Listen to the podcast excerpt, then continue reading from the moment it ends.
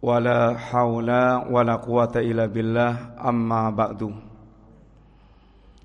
Alhamdulillah Bapak Ibu jamaah sekalian rahimani rahimakumullah. Yang pertama kita tidak lupa untuk bersyukur kepada Allah Subhanahu wa taala yang telah melimpahkan banyak kenikmatan kepada kita semuanya bahkan kenikmatan yang tidak mungkin bisa kita rekap.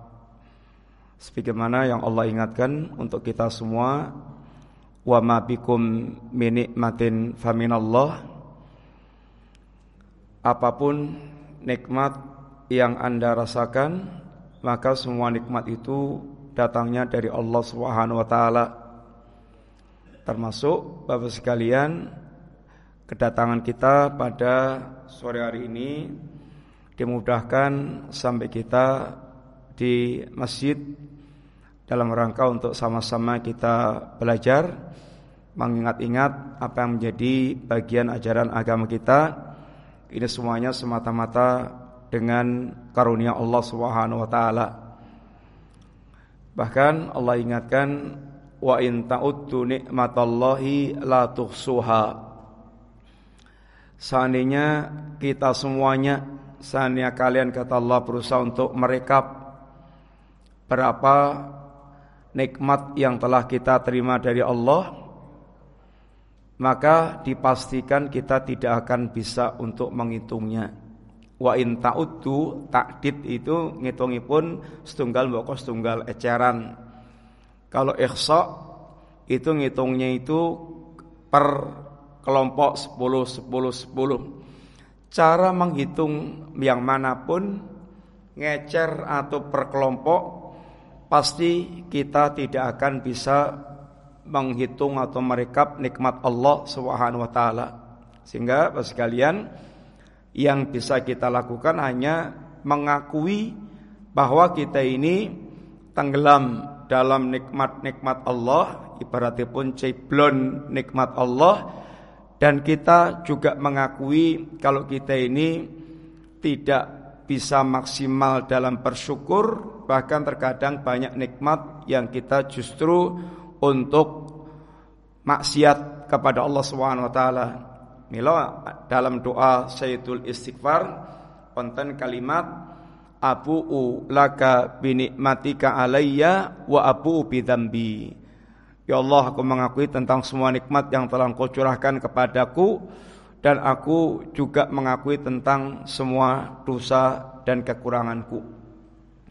Yang kedua Bapak sekalian Tentu nggak lupa untuk mengucapkan terima kasih banyak kepada Bapak Takmir Dan juga Bapak-Bapak yang telah memberikan waktu pada sore hari ini untuk kita bersilaturahim. Mudah-mudahan apa yang kita lakukan pada sore hari ini bermanfaat untuk kita semuanya dan diberkahi oleh Allah Subhanahu wa. Dan doa kita seperti yang Nabi ajarkan, Allahumma allimna ma yanfa'una wanfa'na bima 'allamtana. Ya Allah, ajarkanlah kepada kami ilmu yang bermanfaat dan jadikanlah ilmu yang telah aku pelajari bermanfaat buat kami. Bapak sekalian, tema kita pada sore hari ini kata singkang sepun dipun aturaken itu selamatkan dirimu dengan tauhid. Kanji Nabi di awal dakwah nate ngendikaken makaten ketika mengumpulkan orang-orang Quraisy dan awal dakwah beliau setelah turun ayat wa angdir ashiratakal akrobin dan peringatkanlah keluarga-keluarga kalian yang terdekat. Rasulullah SAW mengumpulkan orang-orang Quraisy lalu menyampaikan kepada mereka di antaranya ya masyara Quraisy ishtaru anfusakum la ukhni ankum minallahi syai'an ya Abbas Ya Sofiyah Amata Rasulillah Ya Fatimah Binta Muhammad Nabi sebutkan di antaranya lagi Wai Abbas paman Rasulullah, Wai Sofia bibi Rasulullah, ya Fatimah putri Rasulullah.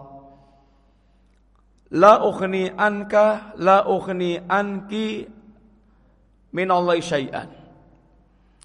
Aku enggak bisa menyelamatkan kalian lagi ketika nanti sudah berhadapan dengan keputusan Allah maka silahkan kalian tebus diri kalian sendiri-sendiri. Ini tebuslah diri kalian dengan kalimat mengucapkan kalimat la ilaha illallah sebagai pertanda perimaan terhadap apa yang Nabi sampaikan itu ajakan untuk mentauhidkan Allah Subhanahu wa taala.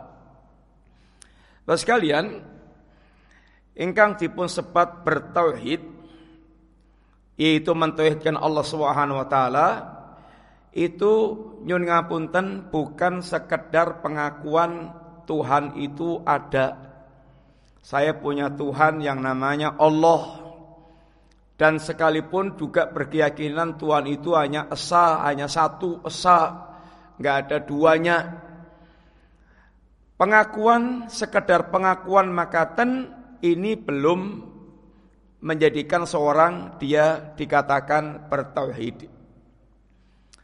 Sebab kalau sekedar pengakuan terhadap Allah Subhanahu wa taala nyon ngapunten iblis itu mengakui Allah.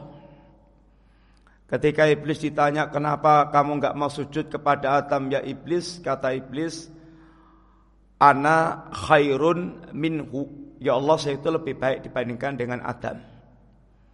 Khalaqtani min nar wa khalaqtahu min tin.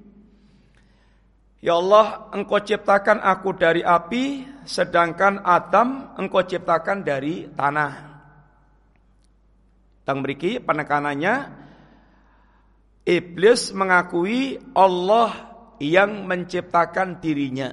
Khalaqtani pengakuan iblis terhadap Allah Subhanahu wa taala. Demikian juga Bapak sekalian, kalau sekedar pengakuan tentang Allah, Fir'aun yang dohirnya itu mengakui yang dohirnya itu menentang Allah katakan hati kecilnya Fir'aun itu mengakui apa yang disampaikan Musa. Allah dikatakan wajahatu biha wastaiqanatha anfusuhum dulman wa uluwan Fir'aun dan teman-temannya itu nampak dohirnya menentang apa yang disampaikan oleh Musa. Tapi kata Allah, sesungguhnya batinnya itu meyakini apa yang Nabiullah Musa ajakkan. Yaitu mengajak untuk beribadah kepada Allah Subhanahu wa taala, mengakui Allah dan kemudian tunduk patuh beribadah kepada Allah taala. Firaun batinnya mengakui Allah taala.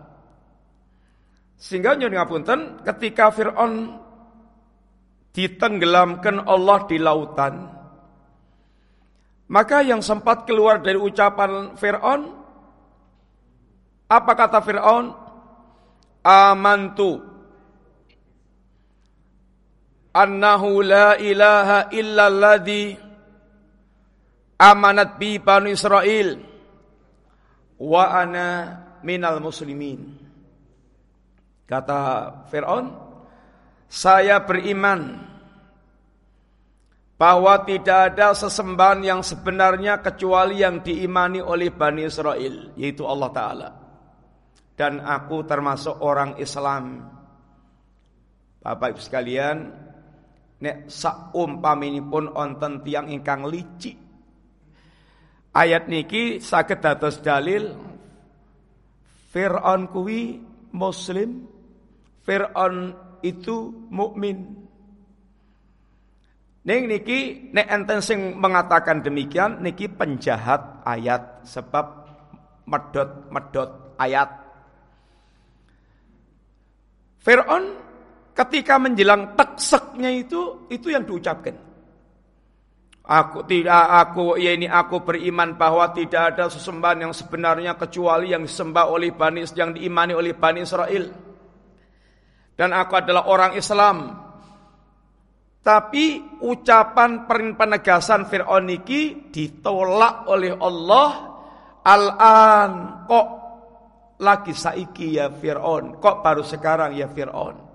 Waqat asoita Bian-bian kue terus maksiat kepada Allah Subhanahu wa alias tobatnya nggak diterima. Tobat niku nek sampun kanton taksek itu pintu tobat ditutup oleh Allah dan tidak diterima ketika nyawa sudah yugharghir pintu tobat akan dibuka Allah taala hatta yugharghir sampai nyawanya kanton eh, dicabut celek yaitu ketika sudah ditenggorokan. Tobat tidak lagi diterima oleh Allah Subhanahu wa taala. Nek pengen tobat nggih jauh-jauh pun kedatangan al maut.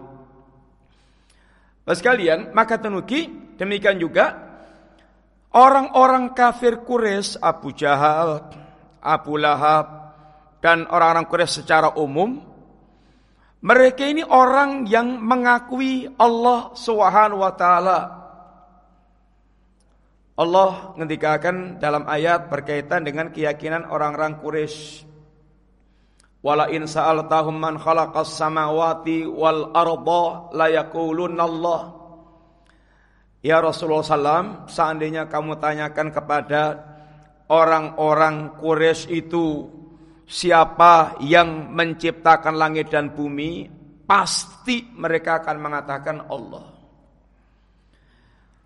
Qul may yarsukukum minas sama'i wal ardi amma yamliku sam'a wal absara wa may yukhrijul hayya minal mayyit wa may yukhrijul mayyit minal hayyi wa may yudabbirul amra sayaqulun Allah. Allah juga juga mengatakan katakan kepada mereka ya Rasulullah siapa sih yang ngasih rezeki dari langit dan bumi? Siapa yang menciptakan pendengaran dan penglihatan yang menguasai pendengaran dan penglihatan? Siapa yang mengeluarkan yang mati dari yang hidup, yang hidup dari yang mati? Siapa yang ngurus alam jagat raya ini? Pasti mereka akan mengatakan Allah. Bapak sekalian, ini adalah pengakuan mereka, keyakinan mereka tentang Allah. Mereka ini orang yang sudah sangat-sangat meyakini Allah Subhanahu. Bahkan ketika Abu Talib, kakek kanjeng Nabi, pemimpinnya orang-orang Quraisy, kedatangan Abraha yang mau menghancurkan Ka'bah. Abu Talib ningali nggak mungkin orang-orang Quraisy bisa menghadapi pasukan Abraha, pasukan gajah yang jumlahnya sekian dan ngitapi-tapi. Maka oleh sang Abu Talib, sang Abdul Muthalib, penduduk Quraisy suruh nyingkir ke bukit-bukit, menyelamatkan sendiri-sendiri. Kemudian Ketika Abdul Muthalib dipanggil oleh Abraha, Abraha sempat kaget. Ketika dipanggil, Abdul Muthalib yang turis malah kembalikan onta-onta kami. Kembalikan onta-onta kami. Abraha pikirannya ini orang Ka'bah mau dihancurkan tempat yang mereka sucikan kok urusannya malah kok gulai ontonya. Tapi ampun salah, Abdul Muttalib mengatakan demikian apa katanya? Kalau kami ini Rabbul Ibil, kami ini pemilik unta-unta. Urusannya adalah untanya dibalikkan. Kalau mau menghancurkan Ka'bah, Ka'bah ada pemiliknya sendiri. Sehingga diserahkan langsung kepada Allah, urusannya dengan Allah sang pemilik Ka'bah. Maksudnya, ini keyakinan yang sangat mendalam berkaitan dengan Allah, sehingga betul-betul memiliki keyakinan yang sangat kuat kalau mau ngancur Ka'bah ada pemilik sendiri silahkan urusan dengan pemiliknya. Ini punya keyakinan tentang Allah Taala. Pas kalian malah nyun ngapunten Mereka orang-orang Quraisy ini bukan sekedar hanya berkeyakinan tentang Allah, tapi juga malah memiliki berbagai macam ibadah-ibadah kepada Allah Ta'ala. Contoh ini pun satu haji. Mereka itu tiap tahun menjadi panitia haji dan berhaji, sehingga dari berbagai kota negara dari luar Mekah, banyak orang mereka berdatangan untuk menunaikan haji sehingga mereka sering menjadi panitia haji, kedatangan tamu-tamu dari luar. Dan talbiyahnya juga talbiyah pun mirip dengan talbiyah yang diajarkan oleh Nabi sallallahu alaihi wasallam. Ling onten tambani pun ada tambahnya yang fatal. Labbaika la syarikalak illa syarikan huwalak. Onten tambani pun tamlikuhu wa ma malak. Ya Allah aku sambut seruanmu ya Allah Yang tidak ada sekutu bagimu Tambah ini pun kecuali sekutu yang engkau miliki Engkau menguasainya dan mereka tidak menguasaimu Ini adalah keyakinan tiang-tiang Quraisy. Mereka berhaji dan hajinya itu adalah untuk Allah menyembah Allah Subhanahu wa taala. Mereka juga biasa nadar. Umar bin Khattab pun mlebet Islam nate ngendikaken kepada Kanjeng Nabi, "Ya Rasulullah, nadar tu fil jahiliyah." Kanjeng Nabi, saya pernah nadar di zaman jahiliyah. Untuk iktikaf semalam di Masjidil Haram. Kata Nabi tunikan ya Umar. Artinya pun orang-orang jahiliyah itu juga biasa mereka memiliki nadar-nadar yang mereka tujukan kepada Allah Ta'ala.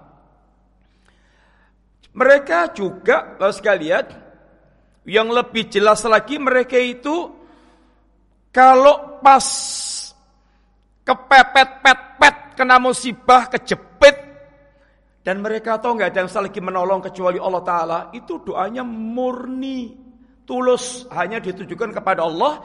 Yang biasa mereka minta-minta itu lata uzamanat yaitu sembahan-sembahan mereka itu kata Allah dalla lenyap dari pikiran mereka yang diingat kantun Allah Subhanahu wa taala.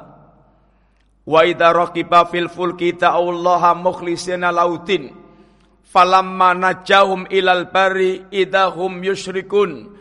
Mereka itu kalau sedang berlayar di lautan lalu wa idza ghasyau maujun kadulal dikepung ombak sehingga mereka kayak mau digulung oleh ombak saat itu mereka tahu persis kondisi yang kayak gini nggak akan ada lagi yang bisa nolong kecuali Allah Subhanahu wa taala, maka saat itu mereka memurnikan doanya semata-mata namun dumatang Allah semua yang mereka sembah, sembah selama itu lenyap dari pikiran dia. Tapi nek sampun selamat sampai daratan, kembali mereka menyekutukan Allah Subhanahu wa taala.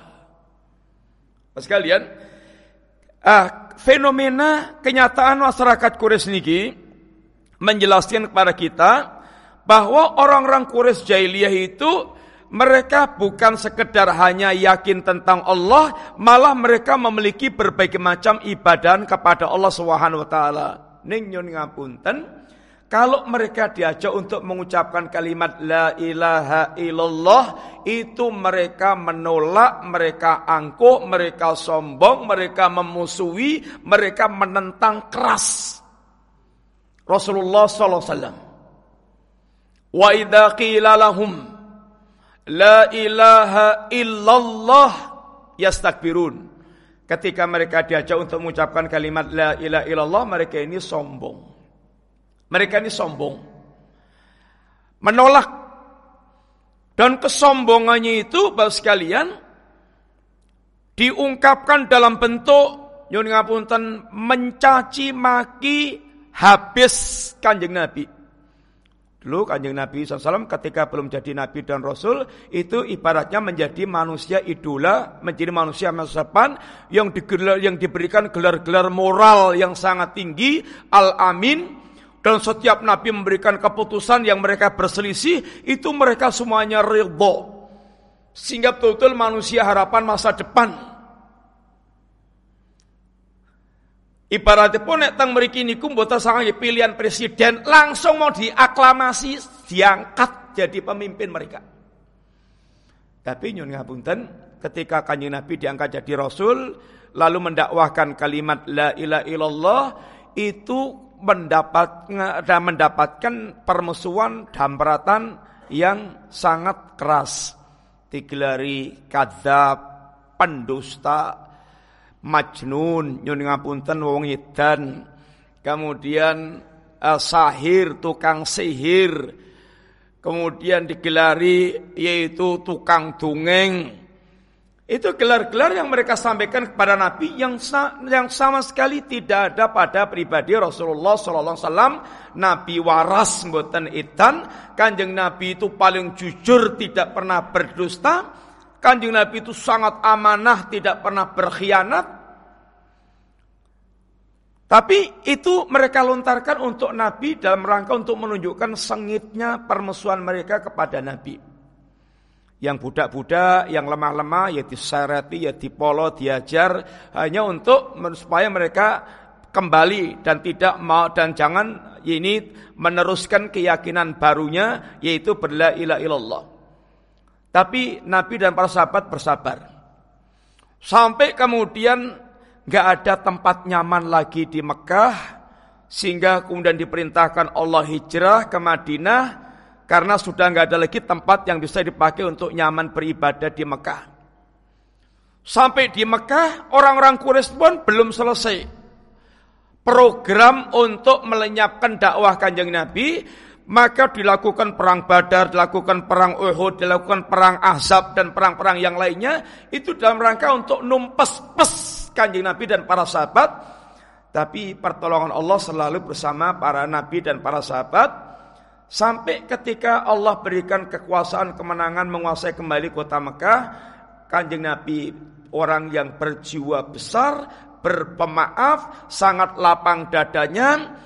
Bahkan Nabi katakan, idhabu wa antum tulaqa yang bayangan mereka kalau penguasa itu datang menguasai sebuah negeri apalagi dulu penguasa yang ini dikunyo dikuyo-kuyo itu bayangnya akan dibantai akan terjadi penumpahan darah. Tapi Nabi katakan silahkan kalian pergi semuanya kalian bebas. Tidak mendapatkan resiko apa pun. Mas kalian eh, yang kita ambil di sini bahwa orang Quraisy yang mereka berkeyakinan tentang Allah dan mereka beribadah kepada Allah itu kalau diajak mengucapkan kalimat la ilaha illallah mereka menolak nggak mau. Kenapa sih sebab kalimat la ilaha illallah ingkang dipun sebat dengan ini kalimat tauhid dalam kalimat ini kalau diucapkan itu kelazimannya, konsekuensinya itu kedah meninggalkan harus meninggalkan totalitas berbagai macam bentuk ibadah kepada selain Allah. Lalu ibadah itu totalitas hanya diberikan kepada Allah. Niku ingkang disebut tauhid. Dan ini yang nggak mau orang-orang Quraisy nggak mau. Seandainya mengucapkan kalimat la ilaha illallah itu hanya supaya berkeyakinan Allah asa, Allah satu, Allah tunggal, Allah ada, oh mereka bakal mengucapkan. Tapi dia tahu kalau mengucapkan kalimat ini itu resikonya dia harus meninggalkan semua ya ini uh, akidah akidah jahiliyah kesyirikan maka mereka mengatakan ini atariku alihatina lisyairi majnun. Apa kami harus meninggalkan seman-seman kami yang banyak ini untuk mengikuti penyair yang gila? Aja'al al aliyata ilan wahidan inna hadzal syai'un ujab. Apa kami harus mendirikan seman kami itu hanya satu? Ini perkara yang sangat mengherankan. Dan sekalian, ah tauhid kayak gitu. Tauhid ngatiniku. Itu tauhid itu adalah tuntutan kita setelah kita berkeyakinan Allah Subhanahu wa taala itu adalah sang pencipta, sang pemilik alam semesta, sang pemelihara, sang penguasa tunggal, maka dengan keyakinan kita seperti itu dan Allah pemilik kesempurnaan sifat, dituntut berikutnya kita dituntut untuk totalitas memberikan penghambaan namung dumateng Allah Subhanahu wa taala. Niku ingkang disebut tauhid. Sehingga nyuwun ngapunten Boten sekedar namung sampun sholat, sampun poso, malah sampun haji berkali-kali. Ning nek boten dipun sertai dengan meninggalkan dan kipo-kipo antipati dengan kesyirikan niku dereng dipun sebat yang kalau bertauhid. Sanajan boten musyrik. Yen ngapunten, aku ya Islam, ya nyembah Gusti Allah, ning aku ya ra iso nek kon ngarani wong kaya musyrik. Boten sakit. Niku rukunipun niku la ilaha penolakan. Dia harus mengadakan penolakan sehingga nggak bisa, nggak mau. Termasuk nyun ngapunten keyakinan aku ya wong Islam, saya juga orang Islam. Saya juga nggak jadi orang kafir. Saya juga hanya yaitu cukup dengan Islam. Neng aku nek kon ngarani ini sing liyane Islam kafir ora gelem, raiso. Itu nggak bisa. Karena itu berkaitan dengan keyakinan. Bapak sekalian, ini yang dikatakan yang dikatakan dengan tauhid itu tuntutan untuk totalitas kita hanya beribadah kepada Allah Subhanahu wa taala. Kemudian sama sekali bersih dari berbagai macam kesyirikan. Terus sekalian, kalau kita bertauhid ingkang kados makaten, ini adalah modal utama kita untuk betul-betul hidup bahagia dunia ngantos akhirat itu adalah jadi akar kalimat la ilaha kalimat tauhid yang diajarkan Nabi pertama kali. Sekalian Allah dikatakan alladzina amanu walam yalbisu imanahum bidulmin ulaika lahumul amnu wahum muhtadun orang-orang yang beriman dan mereka tidak mencampurkan imannya dengan kezaliman maka bagi mereka rasa aman dan mereka mendapatkan petunjuk Allah Subhanahu wa taala. Sekalian ayat ini negasakan jaminan Allah kalau orang itu beriman tanpa kecampuran dolim maka dia akan Allah berikan kerasa aman dalam kehidupannya dunia akhirat dan menjadi orang yang betul-betul lurus. Tiang ingkang akan iman iku wonten tiga. Orang yang mengaku iman itu ada tiga macam. Sepindah orang yang mengaku beriman ning nyon ngapunten musyrik. Niki imanipun boten kanggo. Allah ngendikaken Allah mengatakan wa ma yu'minu aktsaruhum billahi illa wa musyrikun. Berapa banyak orang-orang yang mereka mengatakan dirinya beriman tetapi mereka itu musyrik kata Allah melakukan perbuatan-perbuatan kesyirikan. Keimanan engkang kecampuran kesyirikan itu imannya tidak dianggap oleh Allah dan tidak diterima oleh Allah Ta'ala. Allah mengatakan lain asrok talayah batona amaluk. Kalau kamu sampai musyrik ya Rasulullah ya Muhammad sebaik kanjeng Nabi kalau sampai kemudian kanjeng Nabi musyrik maka seluruh amalnya bakal ludes, badai ludes. Apa ada orang yang mereka mengkau beriman tapi dia musyrik? Nggih, kata, nggih onten praktik pun nggih onten. Contoh pun dalam pandangan agama kita nyun ngapunten sajen-sajen di tempat-tempat yang dianggap keramat itu termasuk yaitu kesyirikan. Yang Nabi nanti ngedikakan dakhalan nara rajulun fi dubabin ada orang yang masuk neraka gara-gara seekor lalat. Wong hanya gara-gara lalat aja kok masuk ke neraka kok remeh banget. Padahal neraka perkara yang sangat besar. Cerita ini pun ada dua orang lewat perkampungan, perkampungan musyrikin ada beralanya. Terus sang satpam dia katakan, "Pak, kalau mau lewat silakan Bapak sekarang sajen dulu sama ya ini berala ini. Korib. Silakan Bapak ya ini korib kayak korban yaitu sajen. Kata yang lewat mau lewat ini ma indi syai'un uqarribuhu. Saya nggak punya apa-apa Ji yang bisa tak pakai untuk sajen. Kata sang satpam yaitu korib walau dubaban. Bapak silakan uh, korban sajen walaupun anjing seekor lalat. Faqarraba dubaban fakhalau sabilahu fadakhalan nar.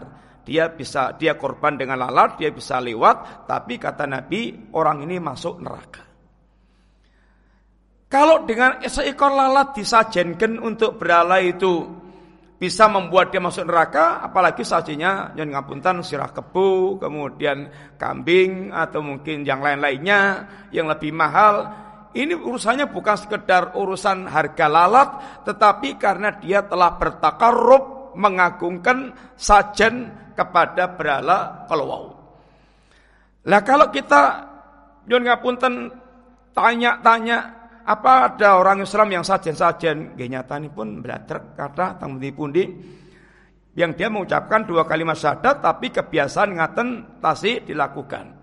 Itu namanya yang ngapunten mukmin atau mengaku iman tapi dia melakukan berbagai macam kesyirikan. Nomor kali mengatakan mukmin dia mengatakan beriman tapi mereka ini nyon ngapunten imannya hanya di lisan, hiasan lisan, manaipun kosong dari pengakuan iman. Niki ingkang sebat kanthi istilah munafik.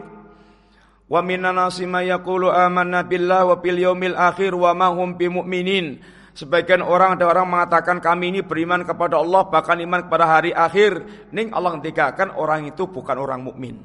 Ngapusi palsu kata Allah. Idza ja'akal munafiquna qalu nashhadu innaka la rasulullah wallahu ya'lamu innaka la rasuluh wallahu yashhadu innal munafiqina lakadzibun. Orang munafik itu kalau datang pada Nabi, Masya Allah, omongannya, pengendangan dikanipun itu penuh dengan penekanan-penekanan, dipetel-petelkan, penuh dengan penekanan, Ya Rasulullah benar-benar saya bersaksi engkau adalah utusan Allah Subhanahu wa taala dan Allah katakan Allah tahu engkau utusan Allah ya Muhammad dan Allah jadi saksi kalau orang itu dobos, dusta, lakatibun. Sehingga ada orang yang mereka hanya Islam dohirnya, ning manaipun kosong saking iman. Niku yang disebut dengan munafik. Dan Allah dikatakan innal munafikina fitarkil asfal minan nar. Orang-orang munafik itu berada di keraknya api neraka. Ingkang Allah kersakan iman yang bersih dari syirik dan iman yang tidak seperti orang munafik. Yaitu imannya orang yang mantap dan imannya yang tidak kecampuran kesyirikan. Innamal mu'minuna alladzina amanu billahi wa rasulihi thumma lam yartabu. Yang namanya mukmin itu orang yang mereka beriman kepada Allah dan Rasulnya. Kemudian mereka sama sekali tidak ada keraguan sedikit pun. Tiang mukmin, tiang Islam nek sampun meyakini Quran sebagai bentuk yakni kitab suci yang Allah turunkan kepada kita, maka nggak ada keraguan sedikit pun isi kandungan Quran. Benten kalih tiang-tiang ingkang Allah dikatakan tiang munafik itu mensikapi kejadian pun akan berbeda. Contoh waktu perang Ahzab Perang Azab itu perang gabungan antara orang-orang kafir bergabung bersekutu, berkelompok-kelompok orang kafir bersekutu sehingga dikatakan Azab dan jumlahnya sampai sepuluhan ribu itu jumlah demikian sangat besar untuk menumpas penduduk Madinah Nabi dan para sahabat. Dan Nabi dan para sahabat kerja bakti sebulanan untuk membuat parit supaya tidak bisa dilewati oleh orang kafir Quraisy sehingga Madinah itu berapa kilo dibuatkan parit dengan kedalaman sekitar 3 meteran sehingga kalau kuda melebu niku betul sakit munggah dengan lebar sekitar ya berapa meter sehingga kerja baktinya memang lama karena meduke lemah mboten kados teng mriki cerak-cerak cerak-cerak saged langsung eh, angsal kata sana tanah tandus bebatuan sehingga bisa dibayangkan membuat berapa kilo yaitu untuk mengelilingi Madinah untuk mengadang orang-orang kafir Quraisy ini kerja bakti berat. Ah, melihat kondisi musuh yang demikian, yang tanpa sekalian, orang mukmin yakin seyakin yakinnya kalau Allah telah mengatakan innalanang suruh rusulana waladina amanu fil hayati dunya wa fil akhirah, kami Allah benar-benar akan menolong orang mukmin dan orang nabi dan orang mukmin di dunia dan di akhirat. Maka kata orang mukmin, hada ma wa'atanallahu wa rasuluh wa sadaqallahu wa rasuluh. Kata orang mukmin benar, janji Allah dan Rasulnya itu benar. Ini yang dijanjikan Allah dan Rasulnya. Dan benar janji Allah dan Rasulnya. Gak ada keraguan sedikit pun. Ning tiang munafik nyun ngapunten apa yang dia katakan ma wa'atanallahu wa rasulu illa ghurura. Oh jebule janjine Gusti Allah dan Rasulullah itu tipuan. Karena memang nggak ada kemantapan dalam keyakinan. Meragukan Al-Quran, meragukan sunaipun kanji Nabi, meragukan dasar-dasar Islam. Niku perwatakan tiang-tiang munafik. Sekalian, ah, yang kita ambil sini, Allah inginkan orang Islam, orang mukmin itu orang yang mereka betul-betul terbebas dari syirik dan terbebas dari sifat-sifat nifat.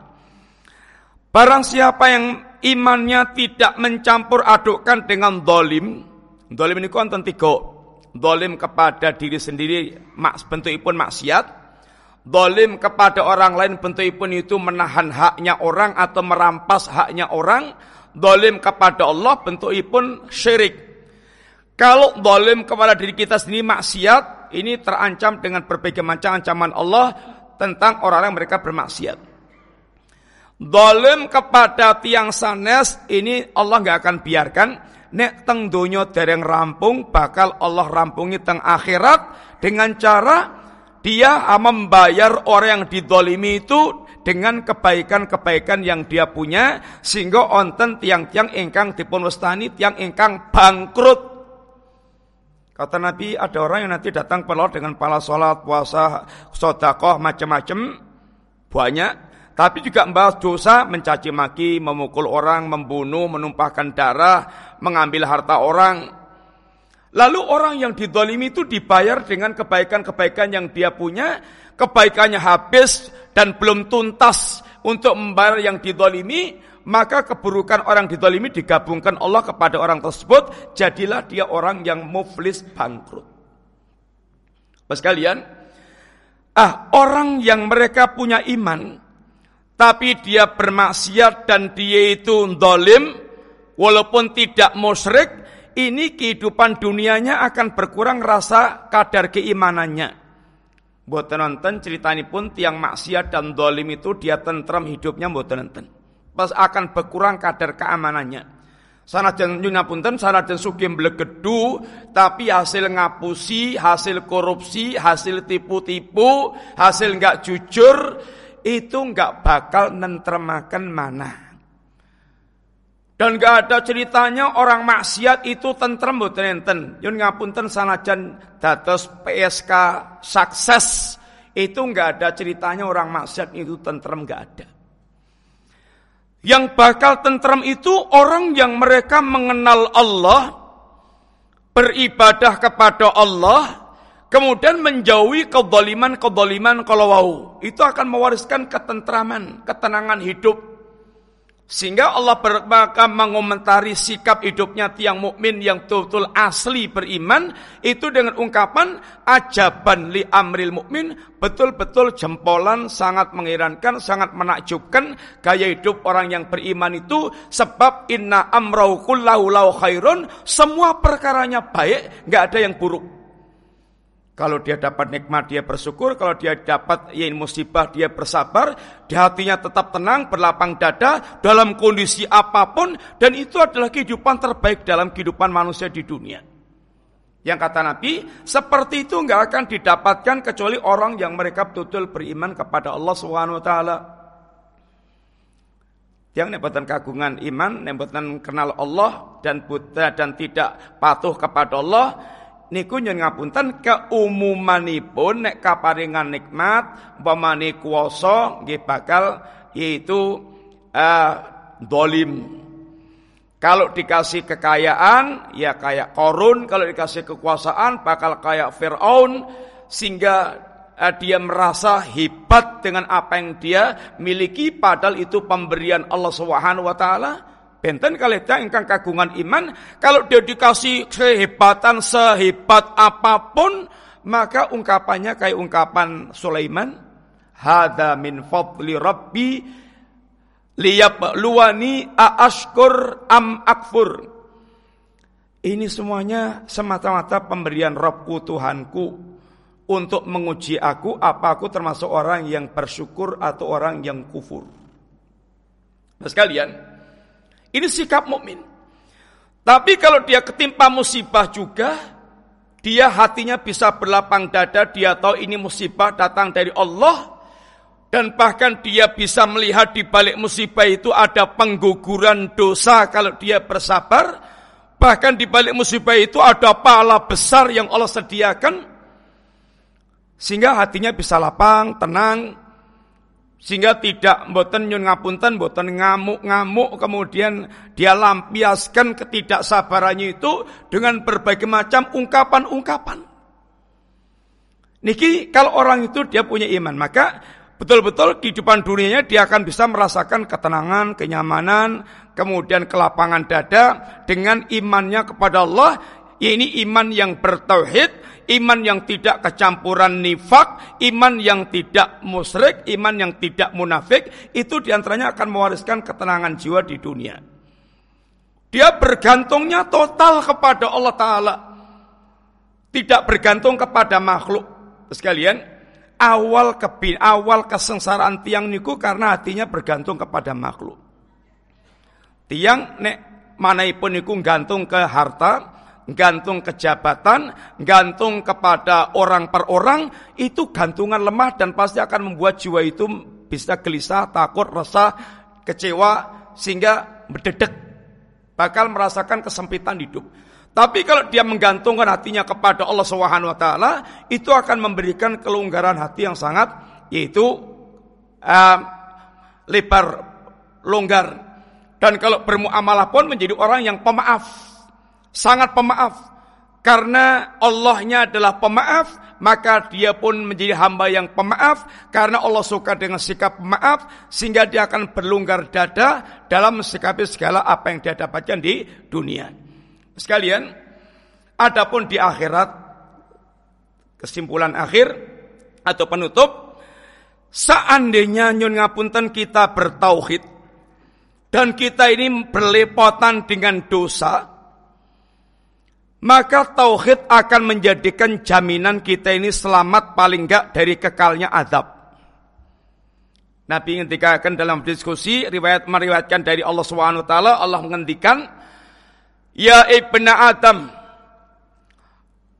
Lau balagat dhunubuka ananas sama Thumma astaghfartani la ghafartu lak wal ubali anak Adam, seandainya dosa kamu itu sampai sundu langit, lalu kamu minta ampun bertobat kepadaku, beristighfar, pasti akan aku ampunkan.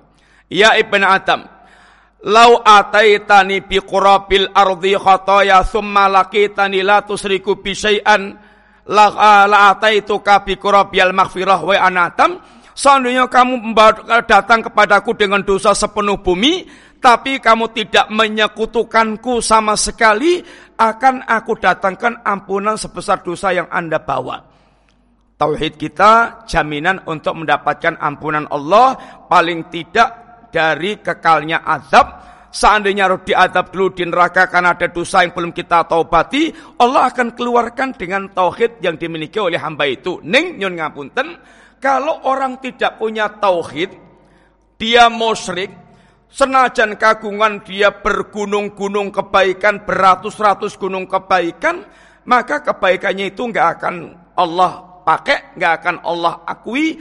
Kebaikan seriknya menghancurkan kebaikannya dan dosanya tidak akan diampunkan Allah Subhanahu wa taala. Maka kan kita terangkan sekalian tes contoh seketik insyaallah sisa waktu mungkin naik pada untuk yang murid bersama monggo kalau ada monggo nek mboten alhamdulillah. Mboten. Kalau CKP rumiyin kita terangkan tentang MC. Hmm. Terima kasih Ustaz Afifi atas ceramahnya yang sangat luar biasa sore hari ini. E, jamaah Masjid Kiwarotomo, jadi sudah kita dengarkan bersama-sama e, ceramah dari Ustaz Afifi. Semoga dengan ceramah ini akan semakin menambah iman kita serta pengetahuan kita tentang ilmu ketawitan. E, Bapak Ibu yang dimuliakan oleh Allah, e, tibalah sesi tanya jawab e, mungkin ada bapak atau ibu yang mau bertanya mau belum ya. ya mungkin dua pertanyaan dulu ya satu bapak satu ibu. Oh ya.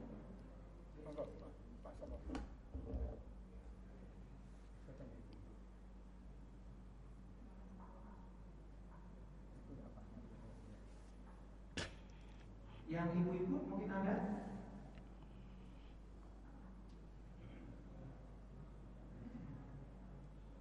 Enggak, Bapak Pak Aryadi monggo. Monggo Pak Aryadi. Assalamualaikum warahmatullahi wabarakatuh. Waalaikumsalam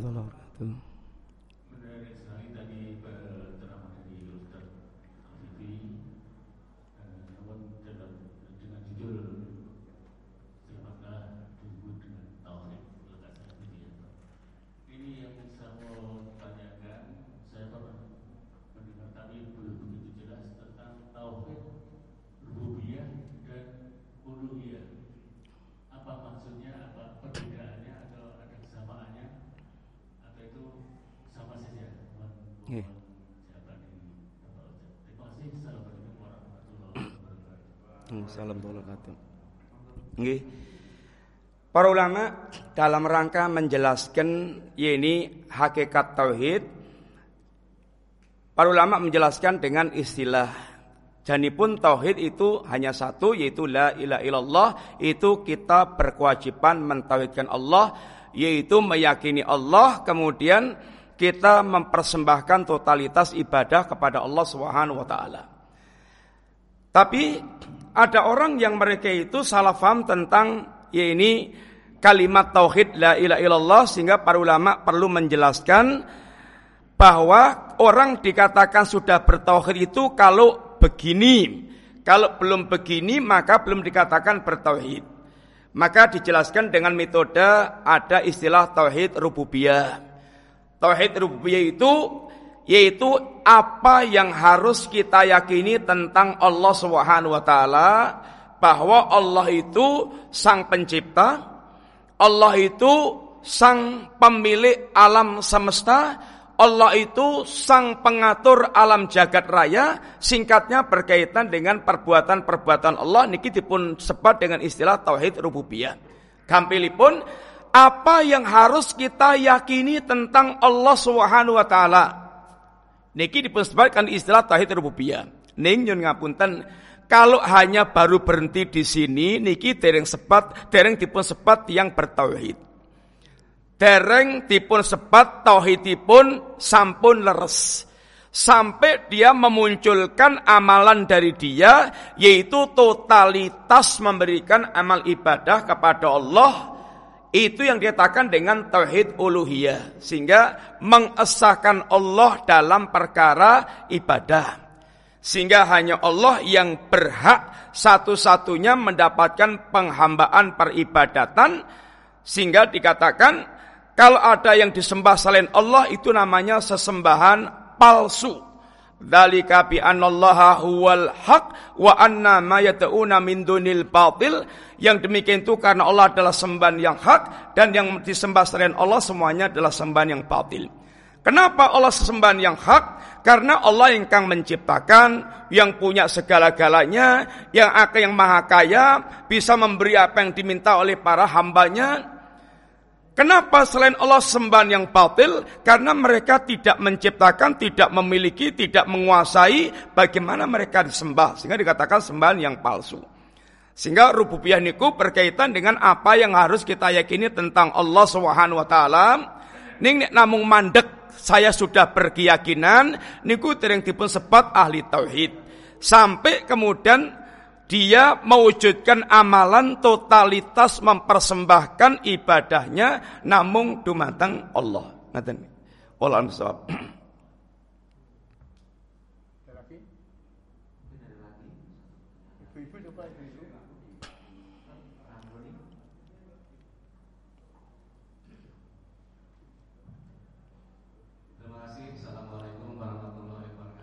Waalaikumsalam warahmatullahi wabarakatuh.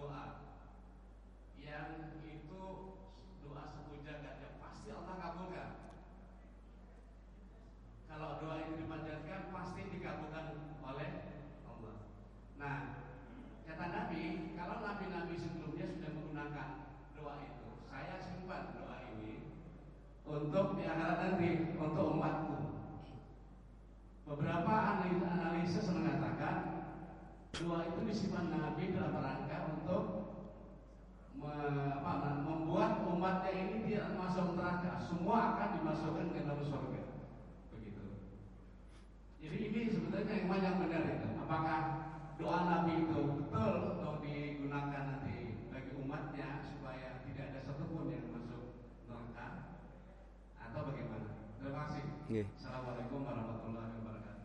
Salam warahmatullahi Sekalian, niki para bicaranya berkaitan kali syafaat. Jadi doa Nabi nah, simpan untuk ya ini nanti menjadi syafaat di yaumul akhir. Nabi ngendikakan yaitu syafaati li ummati min ahlil kabair. Syafaatku untuk umatku dari kalangan yang berbuat dosa besar. Dan syafaat Rasulullah SAW hanya akan diberikan kepada ahli tauhid walaupun dia berbuat dosa besar. Nabi SAW ketika ditanya oleh Abu Hurairah radhiyallahu anhu, ya Rasulullah, ayu nasi uh, as'a man as'atu nasi bi syafaatik yaumal qiyamah. Kanjeng Nabi, Siapa yang paling berbahagia dengan syafaatmu di hari kiamat kelak ya Rasulullah? Nabi katakan as'atu nasi bi syafaati yaumal qiyamah man qala la ilaha illallah khalisan min qalbi au min nafsi. Orang yang paling berbahagia dengan syafaatku adalah orang yang mereka mengucapkan kalimat la ilaha illallah betul-betul tulus murni dari hatinya, dari jiwanya. Memurnikan ucapan la ilaha illallah artinya dia betul-betul mengucapkan kalimat itu dan prakteknya dia tidak menyekutukan Allah Subhanahu wa taala. Ah, di antara umat Rasulullah ada yang mereka itu melakukan dosa besar dan dengan kemurnian tauhidnya maka dia bisa mendapatkan syafaat Rasulullah Sallallahu Alaihi Wasallam. Tetapi tidak semua orang itu dia mendapatkan syafaat Rasulullah Sallallahu Alaihi Wasallam. Berbagilah orang mendapatkan syafaat kanjeng Nabi dengan syarat utama dia yaitu uh, memiliki modal utama tauhid. Ada orang yang mereka dengan dosa besarnya yang belum ditobati oleh Allah SWT, yang belum ditobati, yang belum bertobat kepada Allah, yang menjadikan dia itu kemudian Allah belum mengampunkan dosanya itu dan boleh jadi dia tidak mendapatkan syafaat Nabi, kemudian dia diadab sehingga Nabi ngendikakan ada orang yang istilahkan dengan istilah jahannamiyun yaitu mantan-mantan jahanam mantan-mantan jahanam. Yaitu orang-orang yang mereka bekas-bekas orang yang diadab di jahanam Allah keluarkan kemudian Allah masukkan ke dalam surga. Inti ini pun Nabi kagungan syafaat dan untuk yang mendapatkan syafaat ini syaratnya dia adalah ahli tauhid dan diizinkan oleh Allah Subhanahu wa taala dan ada orang-orang yang mereka dosanya juga belum diampunkan Allah dan mereka kemudian diadab oleh Allah di jahanam dan kita hanya bisa berharap mudah-mudahan kita termasuk di antara orang yang mendapatkan syafaat Rasulullah SAW dan untuk mendapatkan syafaat Nabi onten persyaratan-persyaratan di antaranya pertama memurnikan tauhid, yang kedua dia melakukan amal-amal yang menjadikan dia mendapatkan syafaat Nabi di akhirat karena untuk mendapatkan syafaat Nabi juga mengajarkan ada amal-amal contohnya suka berdoa setelah mendengarkan adzan, dia mengucapkan doa setelah adzan. Kemudian contohnya lagi banyak-banyak bersolawat kepada Nabi juga ya, di antara sebab untuk mendapatkan solawat. Tapi yang mendapatkan syafaat, tapi yang jelas ada di antara umat ini yang mereka juga ya ini uh, tidak selamat atau tidak mendapatkan syafaat Nabi atau mendapatkan syafaat tetapi dia syafaat untuk dientaskan dari neraka dari kekalnya atau dari lamanya neraka. Umpamanya harusnya itu diazab 50 tahun, kemudian dengan syafaat Nabi menjadi 25 tahun atau menjadi 30 tahun atau 20 tahun. Intinya ada pengurangan. Intinya syafaat Nabi itu bukan berarti kemudian total menjadikan orang itu tidak masuk neraka sama sekali. Wallahu taala alam